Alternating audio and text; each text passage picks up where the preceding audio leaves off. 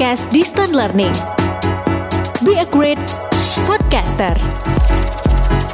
Podcast Distant Learning. Be a great podcaster. Tuhan, berikanlah aku kekuatan untuk menjadi dewasa, agar aku bisa memberikan arti kehidupanku kepada siapa pun yang mengenalku. Tuhan, surat kecil ini adalah surat terakhir dalam hidupku. Andai aku bisa kembali ke dunia yang telah Engkau berikan kepadaku. Kita Sesa Wanda Cantika.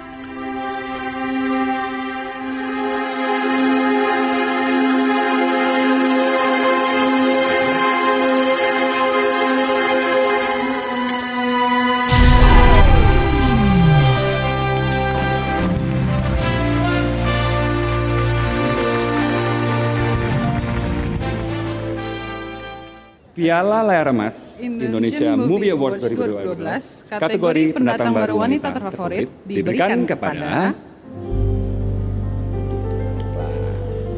Ayo, pelan-pelan aja pelan-pelan Oke.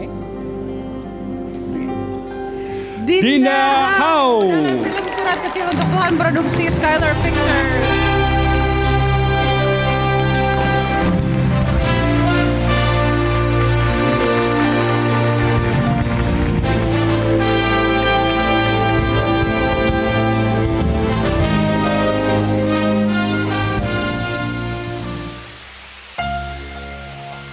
Rasa sedih, sakit, kecewa, dan haru serta menyentuh semua menjadi satu kesatuan cerita yang bagus dalam sebuah film. Yang pada akhirnya film tersebut layak untuk ditonton. Itulah gambaran dari film Surat Kecil untuk Tuhan produksi tahun 2011 karya Haris Nizam yang dibitangi oleh Dinda Hau dan Alex Komang. Dengan kekuatan jalinan cerita yang menarik yang mampu mengaduk-aduk emosi penonton, sehingga permainan gemilang para pemerannya terutama Dinda Hau diganjar penghargaan sebagai aktris pendatang baru terfavorit di ajang Indonesia Movie Award 2012. Membuat penonton larut menikmati adegan per adegan yang tetap betah menyaksikan film hingga film usai. Wah, sebuah ide cerita yang luar biasa ya. Video Lovers, ide cerita adalah hasil pengendapan dan perenungan pengalaman hidup yang panjang dari seorang pengarang.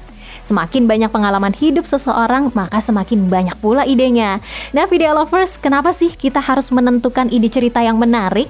Bersama saya Asa Salsabila pada obrolan kali ini kita akan mengajak kamu dalam perbincangan seputar menciptakan ide cemerlang. Dan kali ini tema yang kita angkat adalah bagaimana sih menciptakan ide cemerlang? Video Lovers, untuk perbincangan kali ini saya menghadirkan seorang penulis novel dan editor. Wah, luar biasa multi talenta ya. Pasti keren banget. Siapa sih beliau? Dia adalah Betty Kristianto. Kita panggil Mbak Betty aja ya. Halo Iya. Mbak Betty, apa Halo kabar? Mbak Asa, kabar baik. Semoga video lovers di mana pun berada juga dalam kondisi yang sehat ya. Mhm, betul Ya. banget. Terima kasih hari ini saya diundang nih sama Mbak Asa untuk ngobrol-ngobrol bareng berbincang tentang eh, topik yang luar biasa yang pastinya bermanfaat dong buat Iya para video dong. lovers semua. Iya, Video Ya. Lovers. Sedikit saya akan bacakan biografi Mbak Betty Kristianto ya. Pendidikan terakhirnya adalah Sarjana Strata 1 Hubungan Internasional Universitas Gajah Mada Yogyakarta. Selain itu, beliau juga seorang blogger nih. Tentunya masih banyak pengalaman-pengalaman lainnya ya. Nah, Mbak Betty, di awal tadi kita kan sudah mendengarkan bersama nih ya cuplikan dialog dari sebuah film Surat Kecil untuk Tuhan. Iya. Menurut Mbak Betty gimana tanggapannya? Wah, ini pertanyaannya mulai menjurus-menjurus ke film nih ya. Oke, Mbak Asa, jadi film Surat Kecil untuk Tuhan ini menurut saya adalah sebuah film drama keluarga yang sangat menyentuh ya. Hmm. Penuh dengan cerita yang memilukan, Iya. cerita yang mampu menguras emosi penonton gitu ya. Mhm. Ya kisah ini kan menceritakan tentang eh, Keke Mhm. yang diperankan oleh Dinda Hau waktu Iya, itu masih betul. kecil ya. Sekarang Mhm. sudah eh, Sudah punya ibu-ibu anak. ya, betul. Udah lama banget ternyata ya. Jadi kisah Keke ini adalah seorang pengidap kanker jaringan lunak yang baru ditemukan pertama kali kasusnya tuh di Indonesia. Mhm. Kebayangkan kalau kita menjadi pengidap penyakit yang belum pernah ada sebelumnya gitu Mhm. loh. Ya, terus dia harus mengalami eh, serangkaian pengobatan yaitu ada kemoterapi, ada radiasi dan segala Mhm. macam. Ya itu tuh kan kita tahu ya pengobatan kanker itu nggak enak sama sekali, Betul. gitu kan. Bikin jadi rambutnya rontok, Iya. kemudian kulitnya kering, rusak Mhm. dan akhirnya uh, dia bisa mual-mual bahkan sampai maaf ya muntah gitu Iya. kan. Mhm. Setelah dia melewati semua itu, at the end Mhm. si Keke ini kan meninggal juga ya. Mhm. Nah itu kan yang akhirnya menguras emosi, Betul. apalagi ibu-ibu seperti saya tuh nonton tuh pasti nangis gitu Saya ya. juga nangis. Oh, gitu. Jadi nonton tuh selalu nangis ya. Heeh. Di sinilah eh, selain kekuatan acting para pemain yang luar biasa, top banget, itu adalah ide cerita yang diangkat dalam film Surat Kecil untuk Tuhan itu sangat-sangat bagus banget. Mhm. Itu yang bisa membuat film ini layak banget ditonton dan memenangkan banyak penghargaan. Mhm. Bahkan diputar ulang di televisi pun masih banyak penontonnya gitu. Betul. Ya, Mhm. jadi kekuatan cerita dan eh, permainan gemilang para pemerannya pegang kunci banget. Pokoknya Oke. pecah banget deh film ini Pecah. keren banget. keren. Betul, karena unik juga ya Mbak ya, Yes, karena yes. rhabdomyosarcoma ini kan baru pertama kali, jadi ya memang hanya satu-satunya Nah, gitu. betul. Belum ada pembandingnya gitu Betul. kan. Iya. Oke Mbak Betty, nah berkaitan dengan ide cerita nih, apa sih yang harus dilakukan untuk bisa menentukan ide cerita yang menarik bagi para penonton dan Ya. juga pendengar? Oke. Jadi untuk menemukan ide cerita itu ada banyak banget yang bisa kita lakukan, Mhm. ya kan? Nah, salah satunya adalah dengan melakukan observasi atau pengamatan dari kehidupan sehari-hari. Nggak Hmm. usah takut atau nggak usah eh, bingung nyarinya di mana ya gitu. Kalian video lovers nggak perlu jadi astronot untuk ke luar angkasa untuk menemukan ide cerita loh, ya kan? Ide cerita itu bisa kita dapatkan dari pengalaman sehari-hari. Observe deh, amati gitu. Mhm. Apa sih yang terjadi di sekeliling kita, Mhm. ya kan? Mungkin kita bisa curi-curi dengar nih, ya kan? Obrolan ibu-ibu misalnya atau obrolan eh, remaja-remaja atau pas kita lagi nongkrong-nongkrong sama temen gitu. Mhm. Tercetuslah sebuah obrolan yang oh kok begini ya gitu. Mhm. Menarik nih sepertinya kita bisa jadikan ide cerita gitu kan. Nah, seperti itu. Nah, dalam eh, beberapa waktu yang lalu mungkin teman-teman video lovers juga masih ingat film pendek yang berjudul Tile. Ah, Nah, iya dong. siapa sih Boom nggak kenal itu. Bu Tejo ya kan? Betul. Itu megang banget ya. Jadi Bu Tejo itu seorang karakter Mhm. dalam film Tile ini yang dia tuh tukang gosip kan Betul. sebetulnya ya. Dan itulah kejadian sehari-hari yang mungkin bisa kita temui di banyak tempat seperti Mhm. itu. Nah, dengan kepandaian, kepiawaian si pengarang nih, si Mhm. penulis cerita, hal-hal receh seperti itu tuh bisa jadi ide cerita atau ide film yang menarik dan akhirnya boom gitu. Mhm. Ya kan semua orang tertarik nih, eh siapa sih Bu Tejo gitu. Iya, sampai jadi stiker-stiker Nah, WhatsApp. begitu kan, sampai sebegitunya. Nah, ini bukti bahwa kita bisa banget menemukan ide cerita itu dari observasi pengalaman, Mhm. eh, kemudian pengamatan sehari-hari Mhm. yang nggak perlu spektakuler gimana, tapi itu ada poin, kemudian kita tambahi dengan riset dan bumbu di sana sini, akhirnya terciptalah sebuah film ataupun hasil karya tulis yang menarik. Wah, gitu. jadi ternyata kalau menentukan ide cerita itu nggak harus yang berupa hayalan aja, tapi Iya. juga bisa yang kisah nyata ya, Betul, dan Mbak ya. harus relate ya, Mhm, harus relate. relate sama kita kehidupan sehari-hari. Mhm. Kalau dalam istilah jurnalistik Mhm. itu ada yang namanya nilai proximity. Oke. Iya, jadi itu tuh semakin dekat Mhm. eh, sebuah cerita itu dengan penontonnya, Mhm. itu akan semakin relate Mhm. ya, akan semakin eh, mudah diterima Mhm. oleh audiens gitu. Oke. Nah, gitu. Oke, nah kita langsung berbalik ke pertanyaan berikutnya ya Mbak ya. Siap. Oke Mbak Betty tadi kan kita ngomongin soal observasi ya Mbak ya. Nah Iya, sebenarnya bisa nggak sih Mbak untuk menemukan ide cerita tapi dari kisah nyata? Wah, bisa banget itu. Bisa banget. Mhm. Ya banyak kisah, banyak film ataupun novel yang ditulis itu berdasarkan kisah nyata Mhm. yang betul-betul terjadi Mhm. ya, inspired by misalnya seperti itu ya. Mhm. Teman-teman video lovers mungkin masih ingat eh, dengan film yang spektakuler berjudul tuh? Titanic. Ah, nah, Ini backsoundnya aja backsoundnya- ngerti. betul backsoundnya aja udah berpuluh-puluh tahun itu masih nancep ya Mhm. di ingatan kita. Nah, ini kan film dibuat berdasarkan kisah nyata Hmm. di mana sebuah kapal yang super eh, mewah waktu Mhm. itu Titanic mengalami kecelakaan dan akhirnya tenggelam Mhm. dan menyisakan korban jiwa yang begitu banyak, ya kan? Betul. Nah, Kemudian ide ide cerita dari kisah nyata itu diangkat dengan bumbu-bumbu tambahan yang dramatis tentunya plus eh, permainan gemilang para aktornya yang keren-keren banget betul. itu menjadi sebuah cerita, sebuah film yang menghebohkan dunia pada masanya tentunya gitu. mhm. Bahkan eh, memenangkan banyak penghargaan termasuk salah satunya Oscar tahun 97. Oh wow, luar Gitu. biasa. Ini kalau ngomongin Titanic ya Mbak ya, kita lagi berdiri, diem kena angin aja hayalannya langsung Titanic Betul, loh. langsung tangannya direntangkan gini ya developers ya.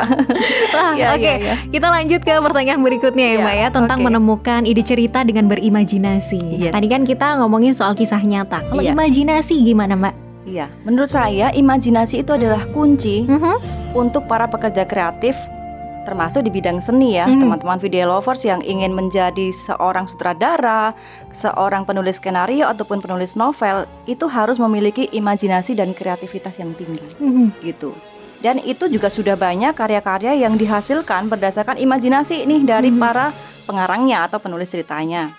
Kalau eh, angkatan saya mungkin masih kenal dengan film yang namanya Back to the Future. Jadi ini kan sebetulnya nggak mungkin kejadian di kisah nyata ya. Mhm. Tapi dengan kepiawaian si penulis cerita itu, apa yang tidak mungkin di dunia nyata Mhm. itu jadi bisa mungkin ya, mungkin terjadi di dunia eh, film, di dunia tulis menulis seperti itu. Oke. Nah, itulah eh, pentingnya bagaimana seorang pekerja kreatif memiliki daya imajinasi dan Mhm. kreativitas yang tinggi Mhm. gitu. Oke, wah ini semakin menarik ya Mbak Betty Yes. ya. Nah kita masih mau ngobrolin tentunya tentang cara menemukan ide cerita. Nextnya nih Mbak Betty, Yes. gimana sih Mbak sumber-sumber bacaan ini bisa nggak dijadiin untuk ide cerita? Wah, ini pertanyaannya makin mengerucut dan tajam nih, setajam silet ya. Aduh. Tapi kita bukan infotainment ya, video lovers.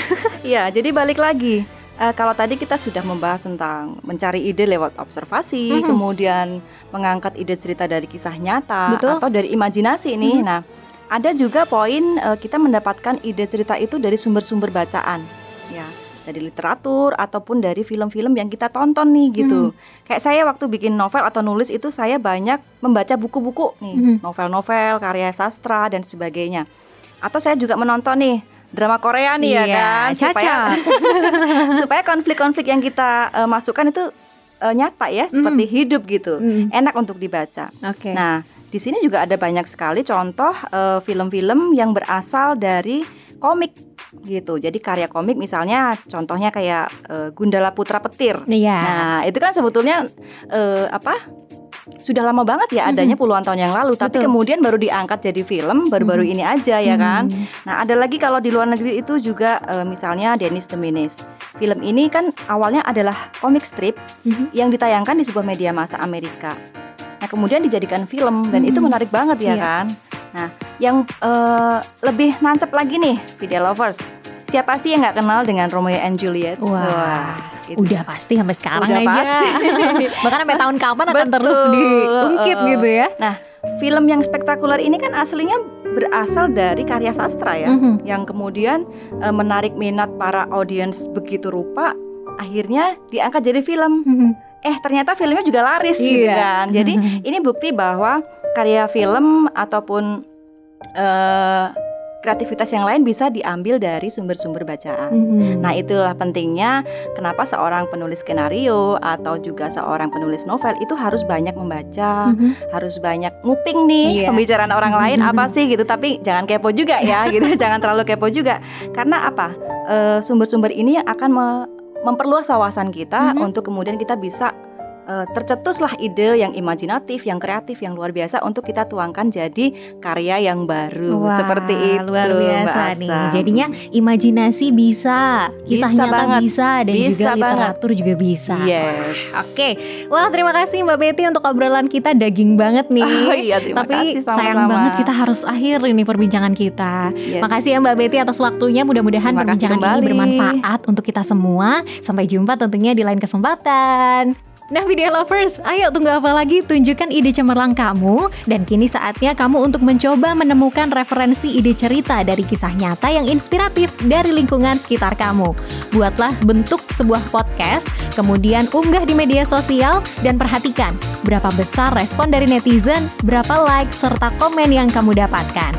Video lovers jangan ragu ya untuk membuat sesuatu yang baru Karena itu adalah ide kreatif kamu. Pasti semuanya akan menjadi lebih seru. Ide cemerlangmu adalah ide kreatif kamu See you, bye